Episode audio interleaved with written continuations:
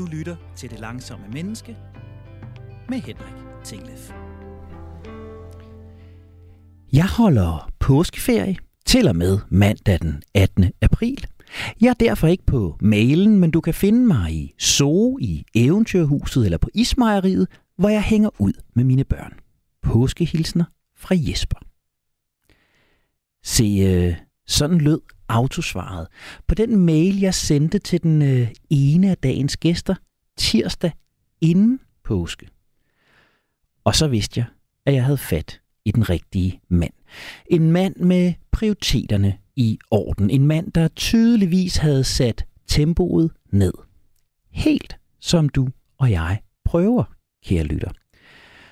Og Jesper, han er helt ligesom os et ganske almindeligt menneske med et ganske almindeligt job, kone og børn, realkreditlån og pensionsopsparing, indkøbssedler og madplaner. Og så har han et ønske om at gøre det hele lidt langsommere. Helt ligesom dig og mig.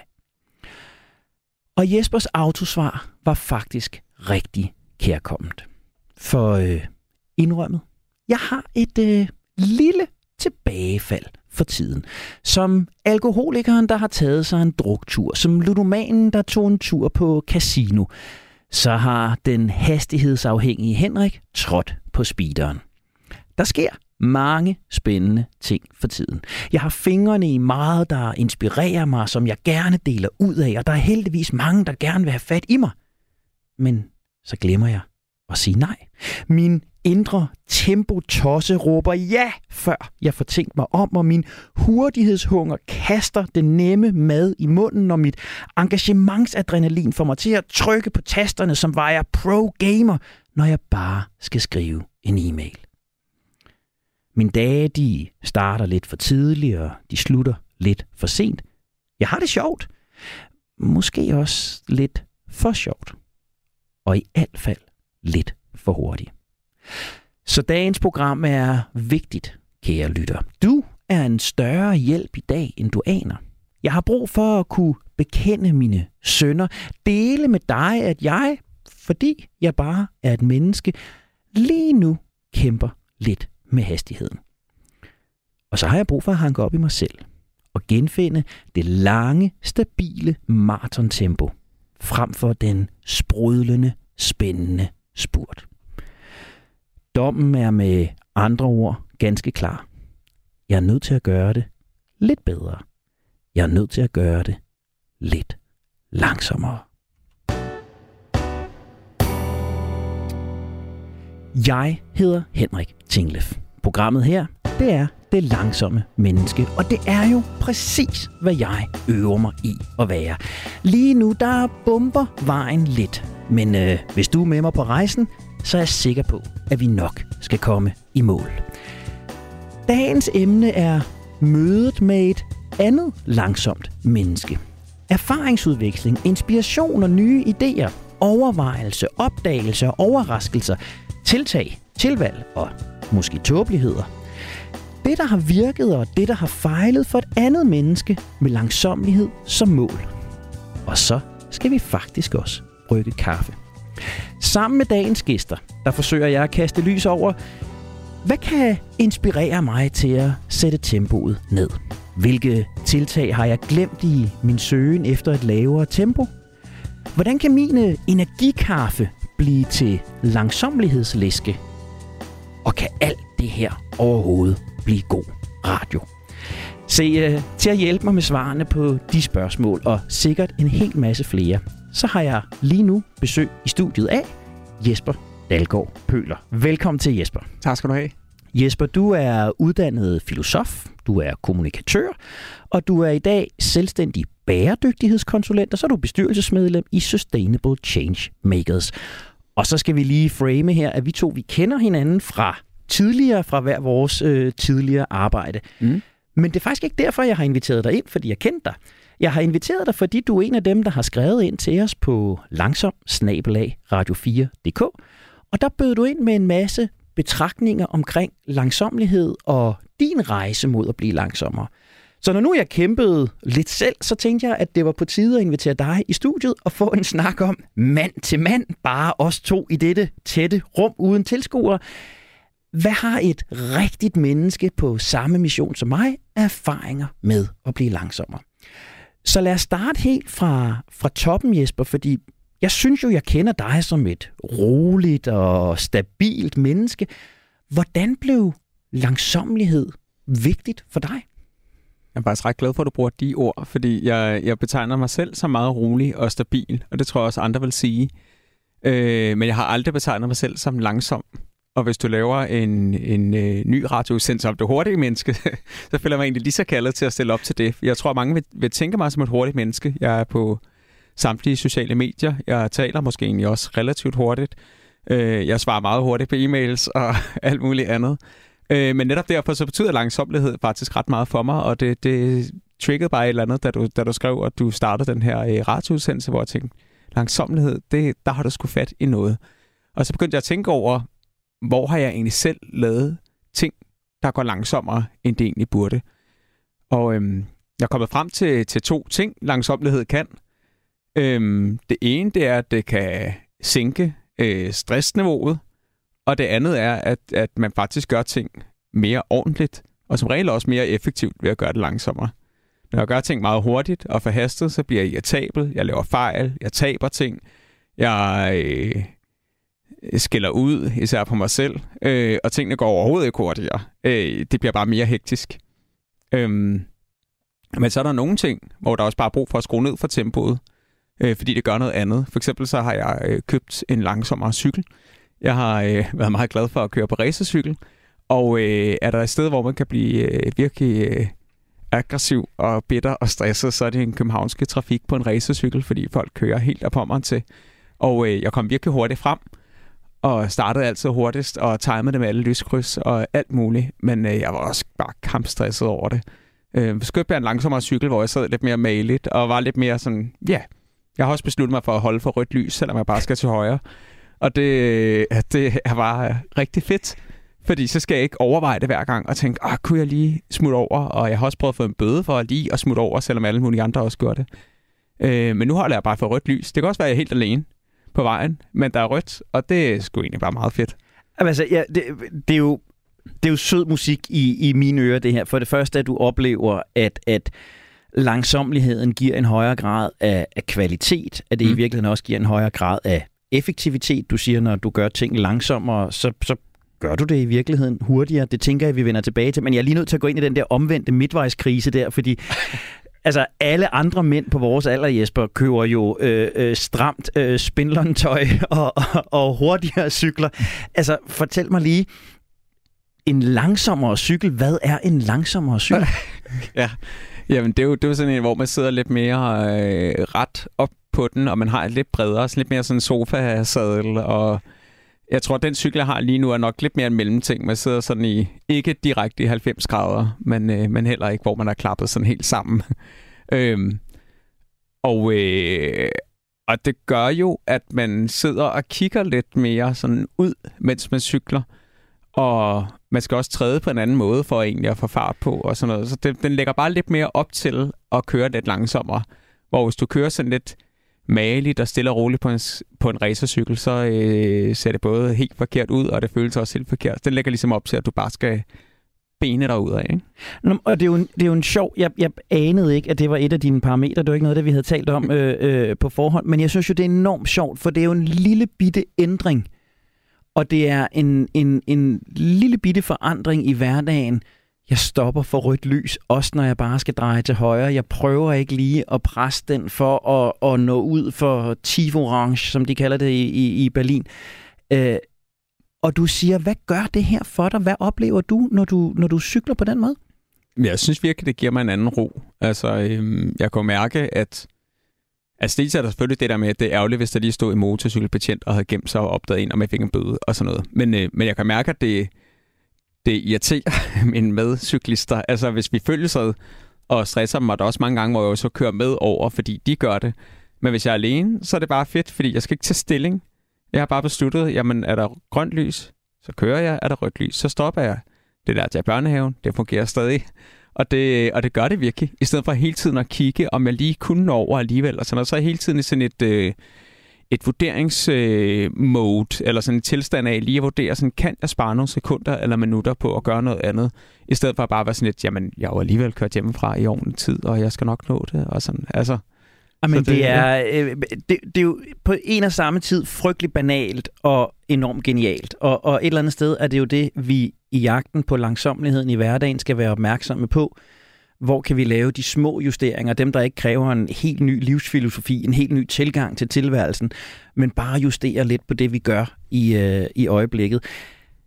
Jeg har jo arbejdet lidt med at gå og gå bare for gangens skyld og gå lidt langsommere. Jeg har ikke tænkt på, at jeg kan tage det med på min cykel, men, men jeg skal cykle hjem fra stationen i dag, og, og Jesper, det kommer til at foregå anderledes, ja, end jeg cyklede til fedt. stationen i morges, og missede toget, der lige præcis kørte, da jeg kom op til, på stationen, til stor irritation for mig. Men havde jeg cyklet langsomt, så havde jeg jo bare kommet perfekt til det, der kørte syv minutter senere. Ja, ja. Nu sagde du, du havde lært i børnehaven, at du skulle køre for grønt og stoppe for rødt. Øh, en af de ting, du nævnede, da du skrev til mig øh, første gang, det tænker jeg også, du har lært i børnehaven. Du skrev, du begyndte at lægge puslespil.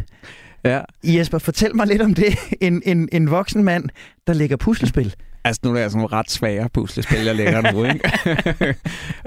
øh, jamen, det, er, det, det kom så faktisk af en, øh, en stresssygemelding, som jo også øh, taler til det her med, øh, med langsomlighed for at sænke stressniveauet.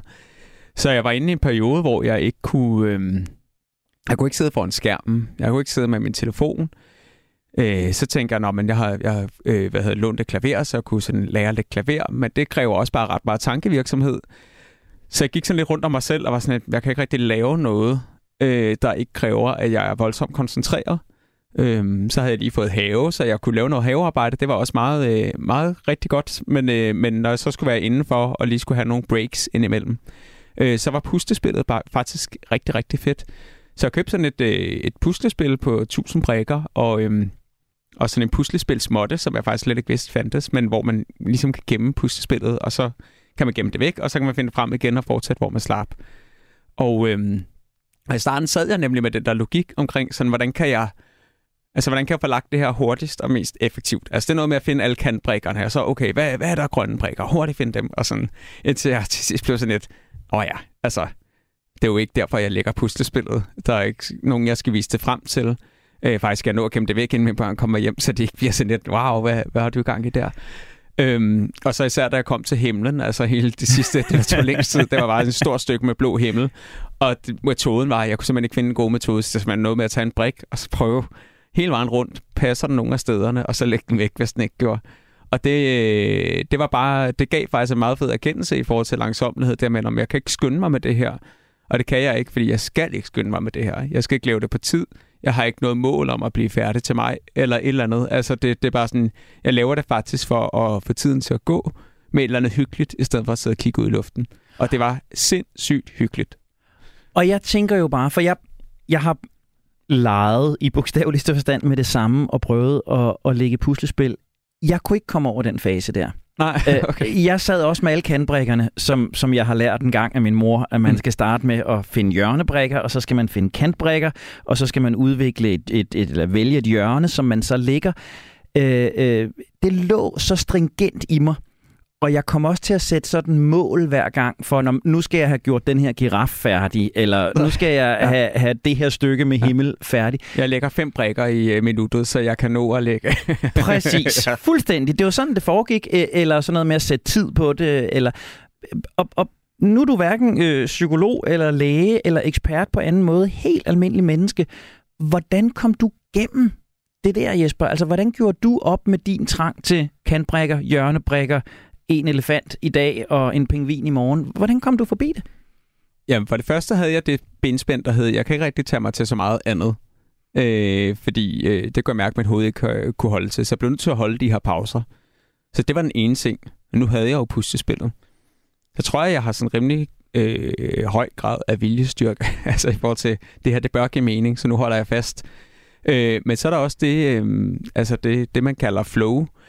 Øh, og jeg mærkede simpelthen, at når jeg sad og var frustreret og prøvede at lede efter den der brik, og tænkte, at det tager en evighed.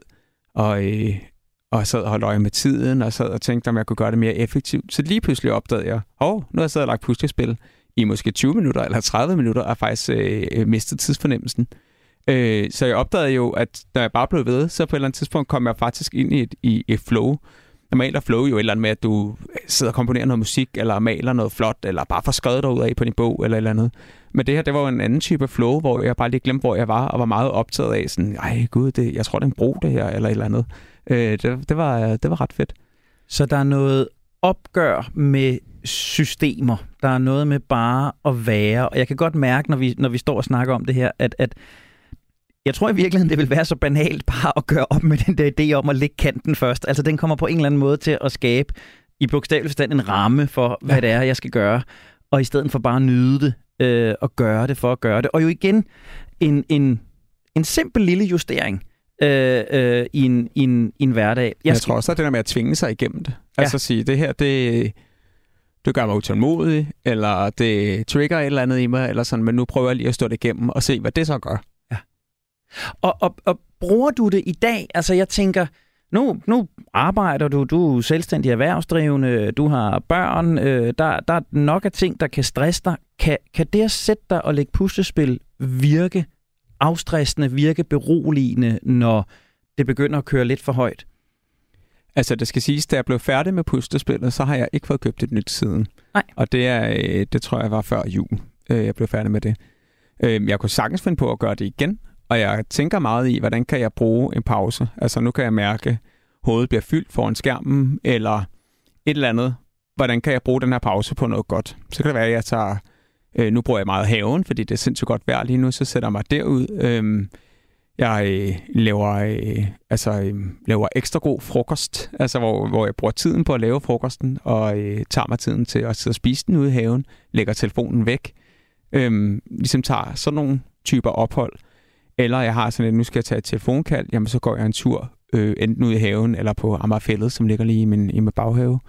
Øhm, altså sådan noget, hvor at jeg sørger for at sætte nogle rammer, der gør, at, at jeg kan arbejde øh, roligere. Øhm, jeg har faktisk også opdaget egentlig øh, i mit arbejde, at telefonopkald giver meget mere nærvær og, og ro og fokus i samtalen, end, øh, end de her øh, Zoom-opkald. Selvom det er fedt, man kan se hinanden på skærmen, at man er enormt forstyrret af, hvordan ser jeg ud lige nu, hvordan ser den anden ud, øh, hvad er der sjove filtre, øh, hvad, hvad kan jeg udnytte det til, jeg vil nu sidde her foran skærmen, hvad kan jeg lave, mens vi har samtalen kørende. Ja. Øhm, men forleden havde jeg et telefonopkald, hvor jeg gik og kiggede på, på de vilde heste ja. ude på Amagerfældet, og egentlig endte med bare øh, gå i ring, fordi jeg ikke rigtig kunne finde ud, at det var jeg kommet ind igen. Og det var, øh, men det var en rigtig god samtale. Jamen det, igen, det er simple, små, let tilgængelige øh, tiltag, meget inspirerende, og, og det giver mening i, i alt det, vi har talt om i programmet her, og jeg kan godt se, at der er noget af det der, jeg godt kan finde tilbage til. Jeg kunne også godt finde tilbage til at tage nogle kald gående, i stedet for øh, siddende øh, foran computeren og komme til at sidde og tjekke mails imens, fordi det kan man jo lige så godt, så man er lidt mere effektiv. Og så kan jeg mærke, at når jeg løber så stærkt, som jeg gør lidt nu, så bliver jeg provokeret af det der med bare at være. Mm. Øh, men men det, det er et godt huskeråd, det du siger at tvinge sig selv lidt til det. Tvinge sig selv til bare at, at gøre det igen, og komme ubehaget igennem, overvinde den der øh, barriere, øh, som der er. Og jeg, øh, jeg interviewede på et, på et tidspunkt en, der hedder Rasmus Hårgaard, som jeg tror, du også kender, der arbejder meget med mindfulness i store virksomheder. En dansker, der har fået kæmpe succes i USA. Og hans tilstedeværelse i rummet var bare sådan en, hvor vi andre var fuldstændig paf bagefter interviewet tog lige så kort tid som de andre interviews, vi skulle lave, og han fik svaret rigtig godt, og det blev en fin lille video. Men han havde bare en, en ro og et nærvær. Det var så vildt. Han var en af de eneste talere, der satte sig op lidt inden han skulle på og kigge på de andre talere, hvor de andre sådan big shots, de går jo direkte ind ad døren og op på scenen, og det virker sejt. Men det andet giver der så meget mere mening. Man når lige at lande i rummet, man har hørt, hvad der er sket, man har mærket sådan atmosfæren.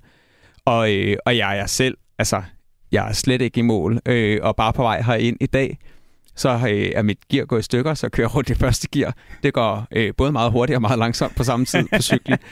øh, jeg er meget afhængig af min cykel, så jeg kan simpelthen ikke overskue at få den til cykelhandleren, og så tænker jeg, ved du hvad, jeg kan lige nå det øh, her i dag. Jeg øh, googlede, øh, hvad tager det på Maps, og cykle hen til cykelhandleren, hvad tager det på rejseplanen og komme herhen. Øh, og det så ud som om, at jeg lige kunne nå at være her sådan 3-5 minutter før vi skulle på.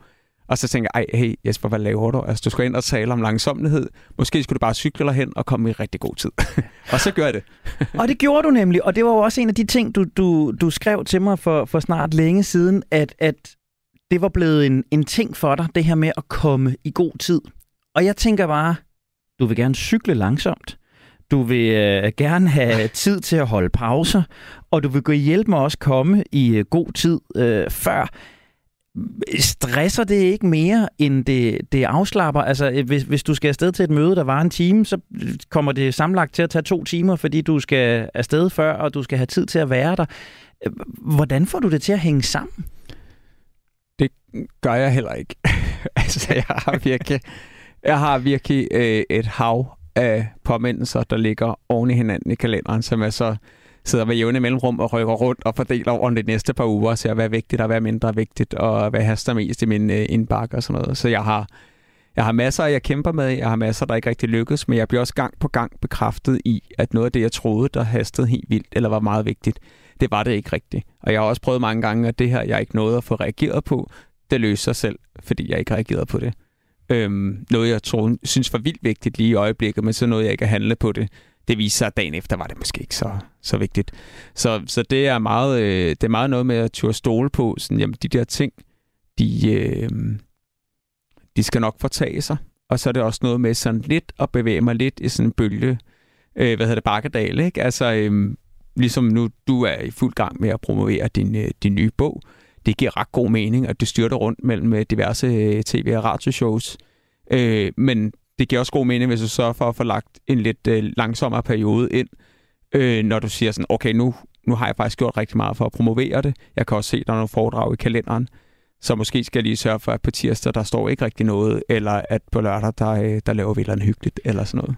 Og så siger du noget centralt her, fordi det har jeg bemærket øh, de sidste par uger. Øh, jeg har også været der, hvor du er, der hedder, jamen, de der mails der, jeg ikke fik besvaret, det var nok ikke nogen katastrofe. Øh, øh, de var nok ikke så vigtige alligevel. Så må folk jo skrive igen, eller ringe en gang mere, eller den der idé, jeg havde sat mig for, jeg skulle have fikset, det fik jeg ikke gjort, men verden faldt jo ikke sammen.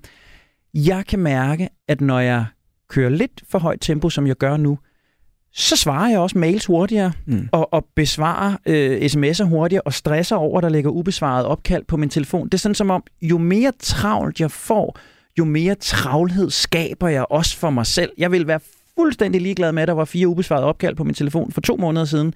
Lige nu, der vil jeg kunne stresse over det, hvis, hvis mm. jeg kunne se min telefon nu, og, og, og det lå der. Øhm, så, så, det, så det er en vigtig reminder, den der med at, at komme tilbage til, vi vil ofte meget mere, end vi kan. Når vi kører hurtigt, så tror vi, det er nødvendigt. Kommer vi ned i langsomligheden, så er det, vi opdager, at mange af de der ting løser sig selv, eller de går væk af sig selv, eller også så må folk jo vende tilbage. Ja, og, det, og jeg kender sindssygt godt det, du lige beskriver nu. Og der er også et eller andet som Mundheld, der hedder noget med, vil, vil du have noget gjort, så spørg en travl person. Altså, fordi de kan godt lige fikse lidt mere, ikke? Ja.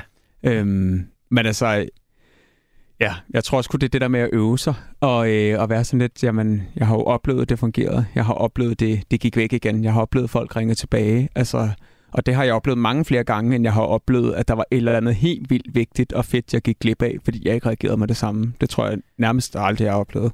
Så hvis du her øh, op mod pausen skulle give mig et helt konkret råd, Jesper, hvis du bare skulle skære ind i din erfaring og sige, Henrik, lige nu løber du for hurtigt. Hvad er det bedste, jeg kan gøre lige nu for at komme ned i tempo igen? Sæt tiden realistisk. Øh, hvis du skal til et møde, der var en time, så øh, marker det gerne med halvanden time i kalenderen, fordi det trækker altid ud. Sæt gerne transporttid ind.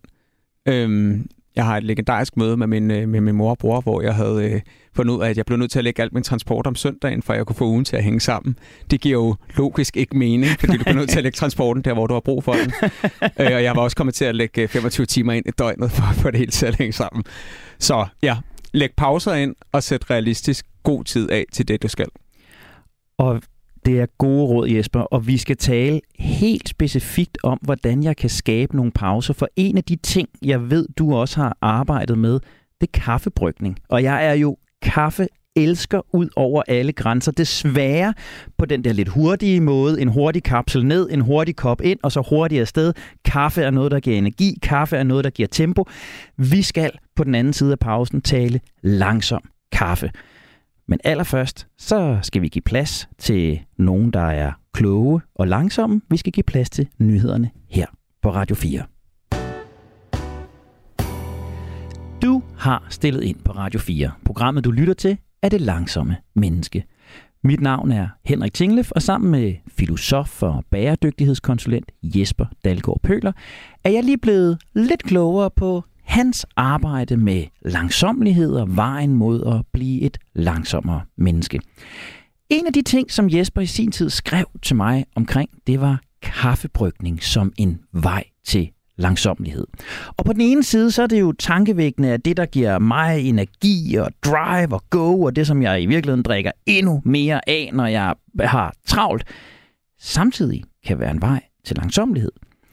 På den anden side, så ligger det jo tæt op af det, som Anne Kirketerp tidligere har introduceret os alle sammen til som craft psychology, altså det at nørkle med noget og effekterne af det. Så for at blive endnu klogere på, hvad kaffe kan, og hvordan kaffe kan blive meditativt, så har jeg nu en ekstra gæst med i studiet. Rasmus Ditlev, der er medstifter af Ønsk Kaffe. Velkommen til, Rasmus. Tusind tak. Rasmus, du er uddannet i projektledelse og erhvervsøkonomi, og så startede du i kaffeverdenen for otte år siden med en rullende kaffecykel.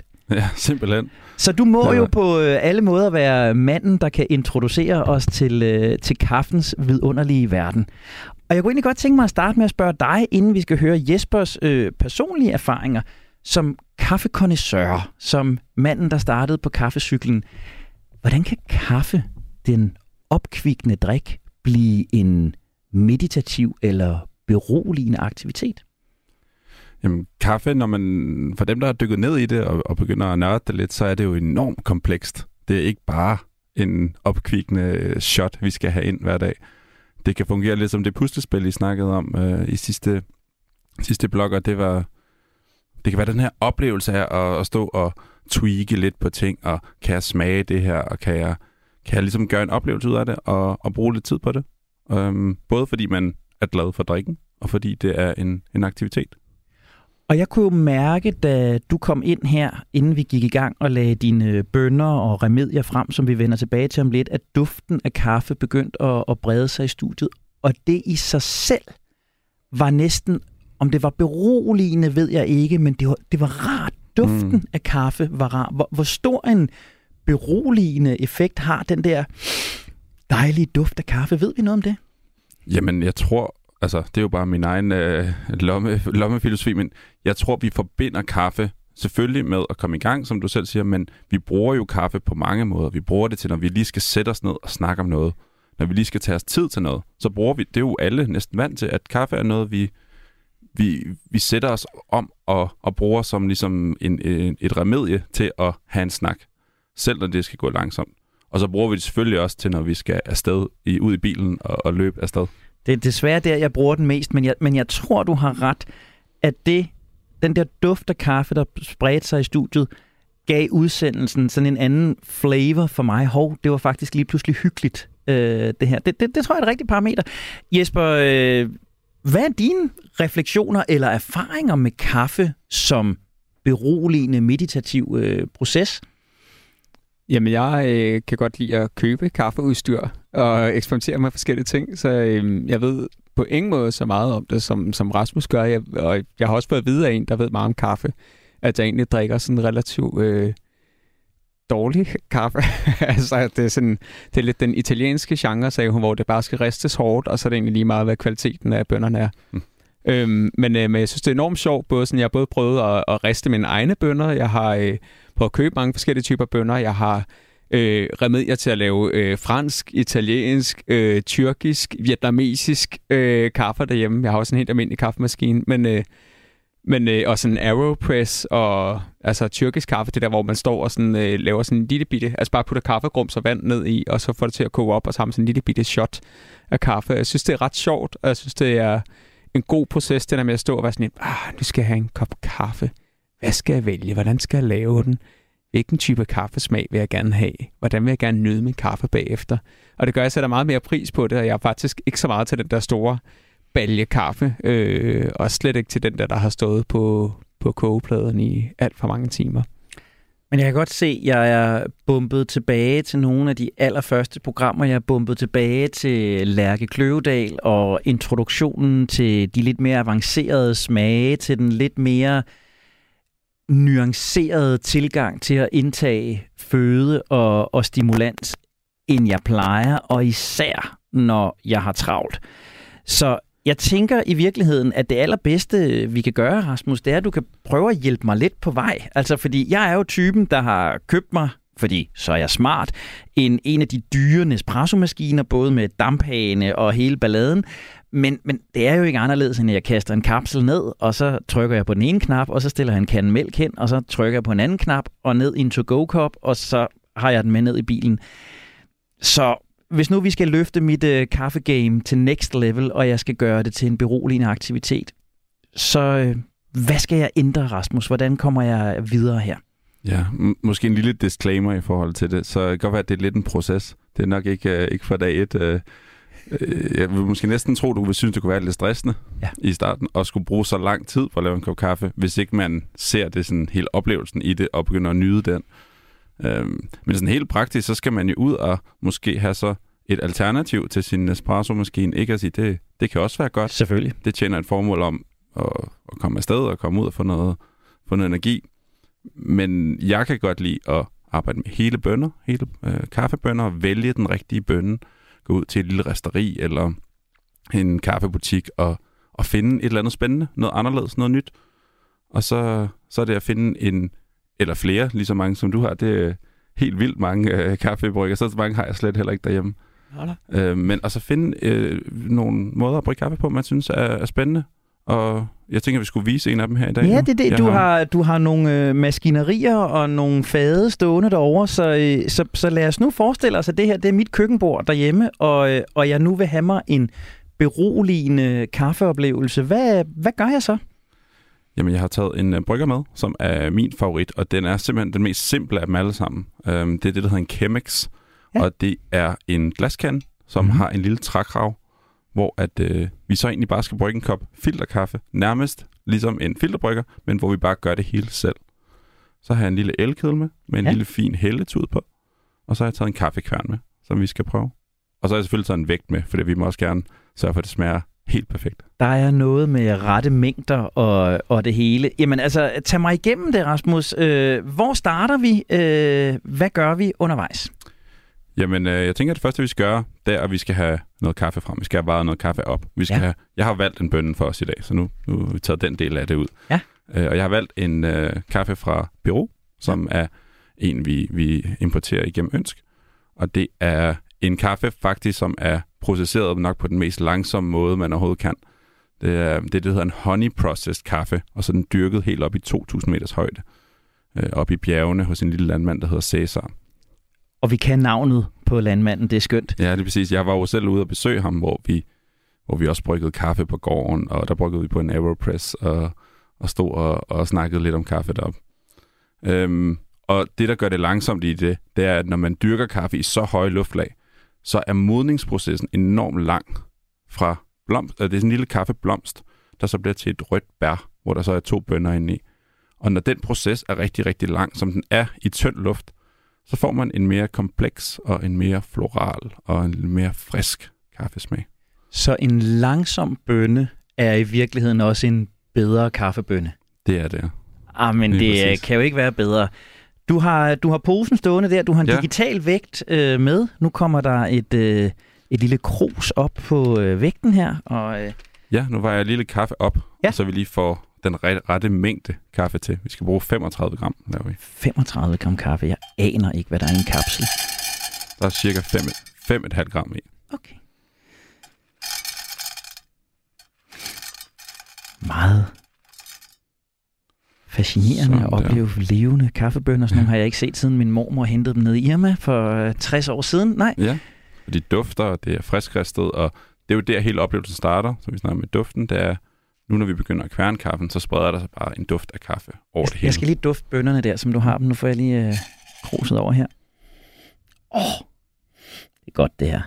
Det, er sådan, det dufter næsten chokoladeagtigt. Det er godt det, er sådan, det der lidt frugtagtige, du nævner, lidt sødlige, sødlige i, Ja. i duften. Ja, den har sådan en rigtig sød duft.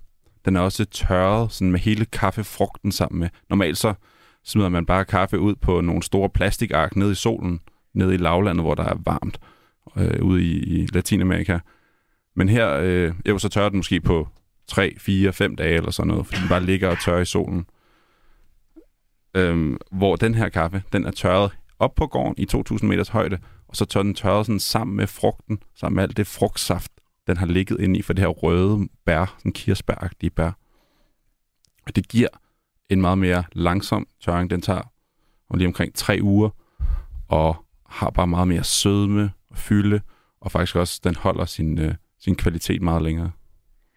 Jamen altså, jeg kan jo kun sige igen, en langsom bønne er en god bønne. Det er, det er det, vi gerne vil høre her i programmet. Nu åbner du din kaffekværn.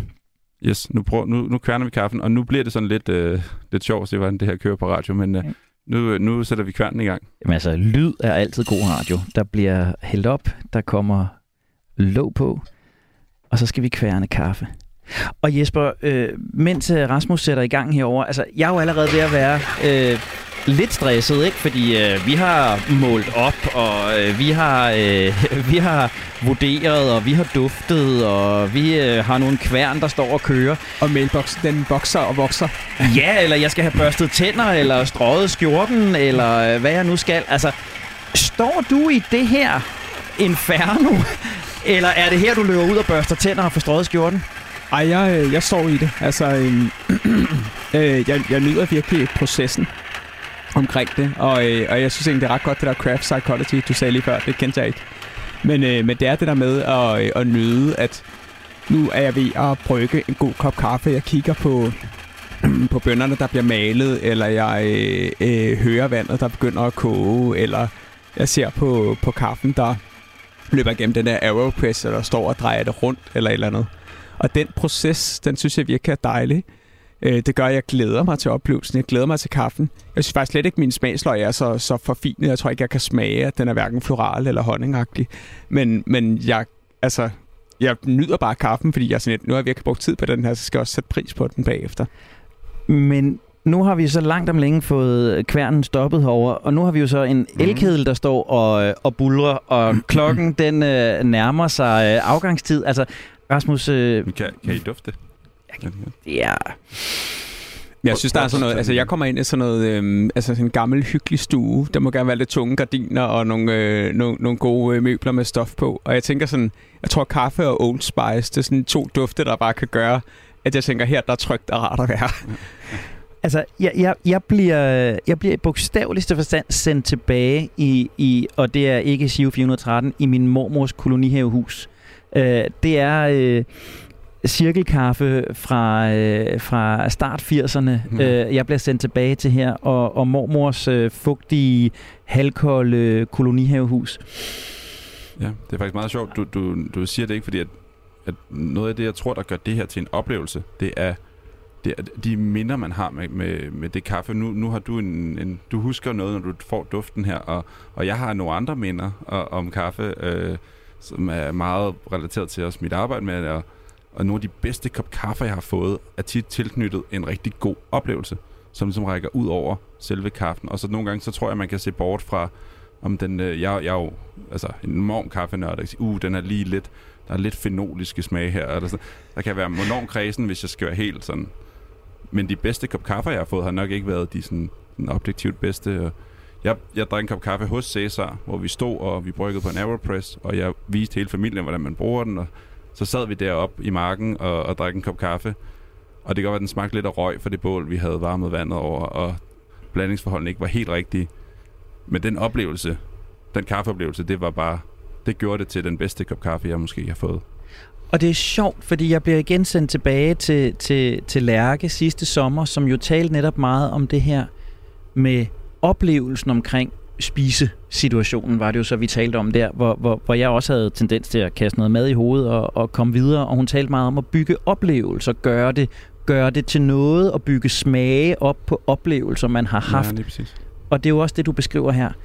Og jeg får jo ikke bygget mange oplevelser på en kapsel ned i maskinen, og så løbeturen ned ad trappen til, til bilen. Det er pretty much same procedure as last year. Øh, så, så, så hvordan gør jeg min morgenkaffe, Jesper? Altså, hvordan gør jeg min morgenkaffe til noget, jeg skaber gode minder omkring? Øh, faktisk er min morgenkaffe en kapselmaskine, øh, hvor vi har købt nogle, øh, nogle øh, nye øh, espresso-kopper, øh, eller vi får dem i julegave. Øh, så det, det er sådan en lille nydelse, altså hvor mig og min kone, vi kigger på hinanden og sådan, ah, skal vi ikke lige, skal vi ikke lige have en kop espresso? Og så får vi sådan en hver, og det har også været vores datter, der har lavet den til os mange om morgenerne. Så der er både noget hyggeligt omkring det, og så er det som om, det er sådan en ekstra luksus. Nu sidder vi her med havregrød, men vi nyder faktisk også lige sådan en lille kop espresso. Øh, jeg har altid synes, at espresso var en helt vild luksus, fordi det er så lille en kop, det er så hurtigt overstået, men det smager virkelig, virkelig godt, synes jeg. Øh, så det er også sådan en følelse af at gøre lidt ekstra ud af det. Jeg kan også godt genkende det der med måltidet. Øh, vi har forleden, jeg lavede aftensmad, der, der skar jeg også en agurk lidt fint ud og lagde oven på det salat, jeg havde lavet. Og det var bare sådan en lille hyggelig ting, øh, som gør, at så kommenterer min datter, øh, hun er fire år, det giver måske lidt kontekst, og så kommenterer hun på det, og hun fik lov at få agurken, og ja. min kone smiler lidt over sådan, og det var da hyggeligt, at jeg laver det, og jeg synes selv, det er lidt rart, og så som om det er sådan mm. lidt mere, lidt bedre måltid, ikke? Øhm, ja. Men hvis jeg, jeg kan... bare havde lagt det i den topperware, det alligevel skal over i lige efter måltidet fra start af. Ikke? Ja. Men jeg kan sagtens se det, og jeg kan se det, det der smuldrer i øjeblikket, det er det der med at skabe rummet omkring øh, spiseoplevelsen eller, eller kaffeoplevelsen. Og, og, og, og må jeg sige en ting, Henrik, det er bare fordi, jeg har prøvet nogle gange at tage tid på det, og det vil måske ja. være noget, der vil virke for dig, fordi det tager aldrig særlig lang tid. Altså hvad, det her, det kommer måske til at tage, det ved jeg ikke, 10, ja. 10 minutter, minutter max. Ja. Det er i hvert fald meget, meget kort tid i forhold til, hvad kunne du nå at udrette på den tid. Ja. Jeg skal den der gurke ud, det tog måske i stedet mellem 10 og 15 sekunder. Altså, det er meget, meget kort tid, det tager at skabe en følelse af tid. Det er en, det er en vigtig pointe. Vi har en, øh, vi har en elkedel, der koger. Ja, og nu skal vi jo ikke skynde på det. Nej. Men, øh, nu, skal, nu er vandet faktisk kogt. Ej, hvor er det dejligt.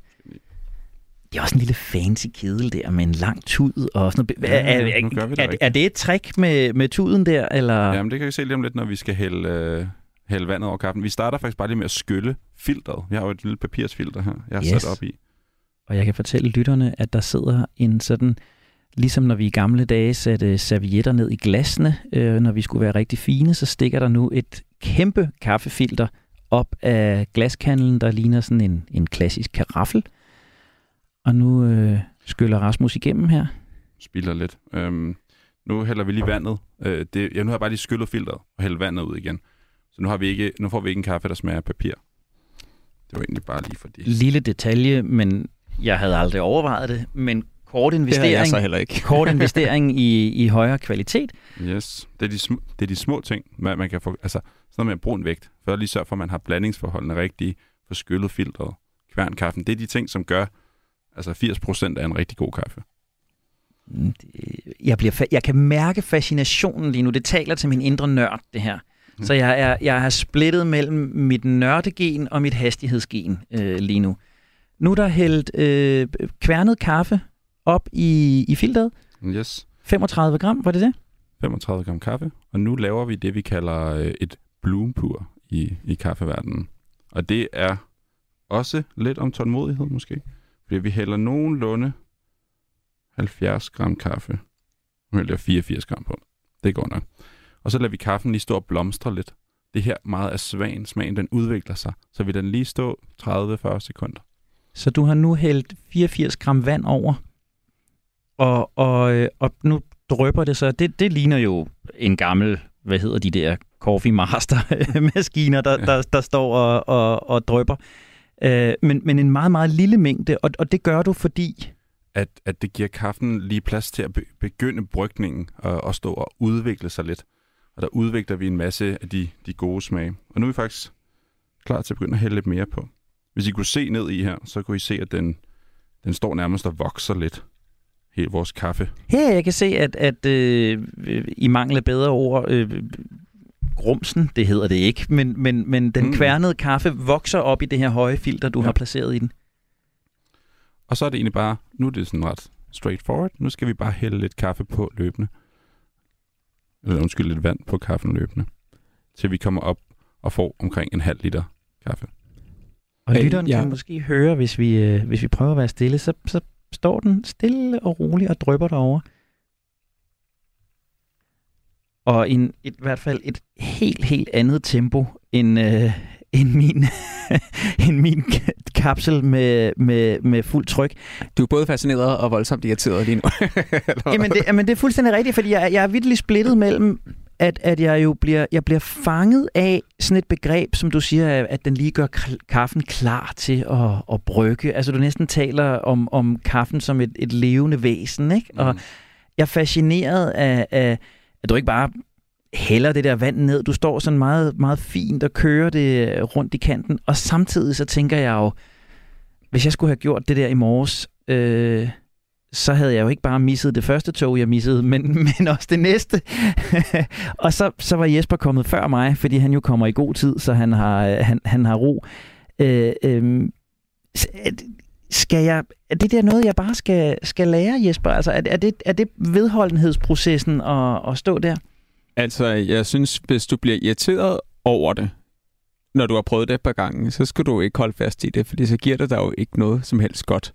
Og hvis det giver dig noget godt, det kan jo godt give dig noget godt at putte en kapsel i, og sætte din mælkemaskine til, og putte det op i en to-go-kop. Altså, der kan godt være noget, noget trygt og noget rart og noget hyggeligt over et fast ritual på den måde. Så, så det vil jeg egentlig ikke forkaste. Men jeg vil da prøve, hvis jeg var dig, at aktivere min nysgerrighed og sige, nu køber jeg et eller andet skør øh, kaffe hemstergems hos, øh, hos Rasmus, og så prøver jeg den lige af og ser, hvad det gør ved mig. Fordi jeg synes, det er fascinerende det der med, at, at min kone havde været i Vietnam, og så kommer hun hjem med vietnamesiske kaffebrygger. Det er egentlig bare sådan en filter, filterkop, du sætter op oven på, på koppen. Men hvor jeg er meget sådan, gud, er det sådan, det gør der? Jeg kan vide, hvordan det er. Så synes jeg, det er en vildt sjov proces. Mm. Og jeg synes, det er vildt sjovt at lære, hvordan den fungerer. Øhm, og jeg, jeg tror ærligt talt ikke, jeg kan smage sådan en voldsomt stor forskel på, på kafferne. Men det, det bilder mig lidt ind. Men... Og det er jo det, jeg er meget spændt på nu, for jeg, jeg er jo, der er jeg jo også så rationelt indrettet, at min cost-benefit-analyse, den, den er jo i gang op i hovedet, ikke? der hedder, mm. er, det, er det her processen værd? Ikke? Hvad er det for en kop kaffe, jeg, jeg får lige om lidt, samtidig med, at jeg skæler ned på uret og ved, at vi har fem minutter tilbage af udsendelsen. Så, så jeg er jo virkelig nu øh, lige der, hvor jeg også vil være på en helt almindelig morgen i, i er det indsatsen værd, hvilket jo kun gør situationen langt mere øh, øh, realistisk. Nu har du jo gennemløb på. Ja, vi er simpelthen allerede færdige. Ej. Allerede. Og jeg har, jeg har forberedt et par kopper, ja. så nu øh, får du en der, Rasmus. Jesper får en kop over her. Jeg får en kop her. Det er... Øh... Jeg har jo været til, øh, til møde med Rasmus' kollega på et tidspunkt, og det var altså også bare noget af det, jeg glæder mig mest til ved mødet. Det var sådan, hvilken kaffe bliver putt på, fordi normalt så sådan nogle møder, det er, at man går hen til kaffemaskinen og sådan lige hurtigt og sådan, men det kan vist alle mulige ting her, men lad os lige få den til at brygge lidt hurtigere, så vi kan komme i gang med mødet. Men her, der var, altså, det at få en kop kaffe var jo nærmest halvdelen af mødet. Det var virkelig, øh, det var virkelig fedt. Ja, det, vil sige, og det er en, en god ting at holde med om. Um, mm. Der er nogen, der, når vi, vi sælger kaffe ud til et kontor, som siger, at vi skal bare have noget, der brygger hurtigt.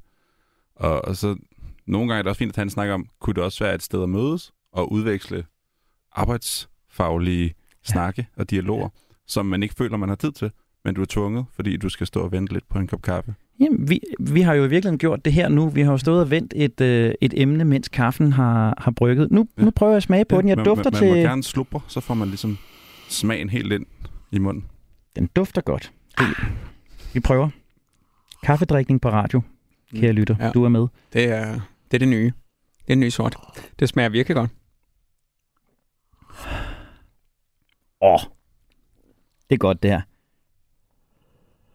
Men man har jo virkelig også altså, glædet sig til den. Man har duftet den. Man har set den blive til i proces. Altså, det, det er virkelig, virkelig mm. øh, ja. lækker. Jeg, jeg, jeg har samme oplevelse som, som øh, øh, og, og kære Lærke, jeg er ked af, at jeg refererer til dig hele tiden, men du vinder radiopriser, så det må jeg godt. Øh, øh, jeg har den der oplevelse, som jeg havde dengang, at jeg har aldrig, jeg tror aldrig, jeg har lagt mærke til smagsnuancerne i kaffe, som jeg gør her. Og om det er, fordi jeg er nede i tempo af og har været den her proces igennem, øh, om det er, fordi jeg virkelig tænker, er det, øh, er det cost-benefiten værd, det ved jeg ikke. Men lige nu, der vil jeg sige, det her, det skal jeg prøve. Det her, det skal jeg prøve. Jeg skal, øh, jeg skal give kaffen tid. Det her, det er, det er godt. Og du har heller ikke lyst til bare at bunde den her kop kaffe for at komme videre? Altså, har du lyst til, at den bare bliver ved? Eller det har jeg i hvert fald. Jamen, det er, det er fuldstændig rigtigt. Det er, det er en, en smagsoplevelse, og jeg kan godt se, at denne her kop kan jeg bedre lave en, en, et minde omkring, en historie omkring, end jeg kan, når jeg bare smider en kapsel i. Vi er nået dertil, hvor selv det langsomme menneske nogle gange går hurtigt, så øh, Jesper Dalgaard Pøler, filosof, bæredygtighedskonsulent og langsomt menneske. Tusind tak, fordi du ville medvirke og uddele dine praktiske erfaringer. Tak fordi jeg måtte. Rasmus Ditlev, medstifter af Øns Kaffe, kaffebrygger øh, per excellence. Det har været en fornøjelse. Tak for at introducere mig til kaffens verden. Jamen, tak for, at jeg måtte. Og så er der altså ikke flere ord herfra i dag, hverken hurtige eller langsomme, hverken med eller uden kaffe. Husk, at du altid kan genlytte tidligere udgaver af Det Langsomme Menneske i Radio 4-appen, som du finder i App Store eller hos Google Play. Har du input, kommentarer eller interessante vinkler på langsomlighed, som Jesper har haft til os, så kan du altid skrive direkte til redaktionen på langsom radio4.dk. Tak, fordi du endnu en gang har investeret både din tid og din opmærksomhed i os. Jeg hedder Henrik Tinglef, og med en dejlig kop kaffe i hånden, der øh, slubrer jeg nu videre for at blive det langsomme menneske.